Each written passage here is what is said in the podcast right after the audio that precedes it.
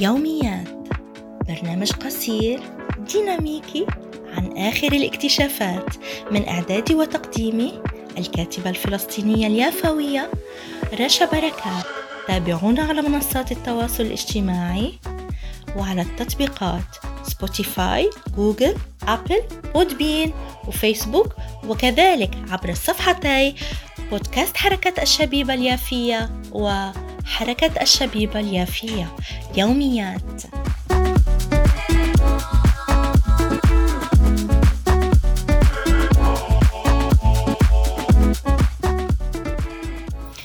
أهلا وسهلا بكم. أعزائي مستمعي ومحبي كل برامج بودكاست حركة الشبيبة اليافية. يوميات اليوم سيقدم لكم نبذة ثقافية حول معرض بعنوان حياة الترحال من منظور جديد. هذا المعرض يقام في متحف قطر الوطني منذ شهر أكتوبر حتى 14 كانون الثاني المقبل.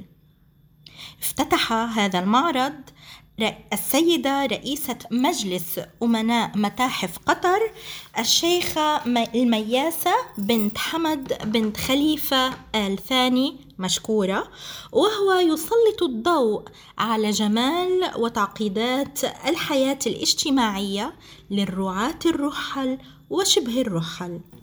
حيث يتعرض هذا المعرض لتفاصيل حياتهم في ثلاث مناطق رئيسية وهي الصحراء الوسطى قطر ومنغوليا. هو معرض شيق وجذاب وإنساني ثقافي بحت. والآن سأختم حلقتي للقائكم بحلقة جديدة وعنوان مفيد جديد إن شاء الله يوميات.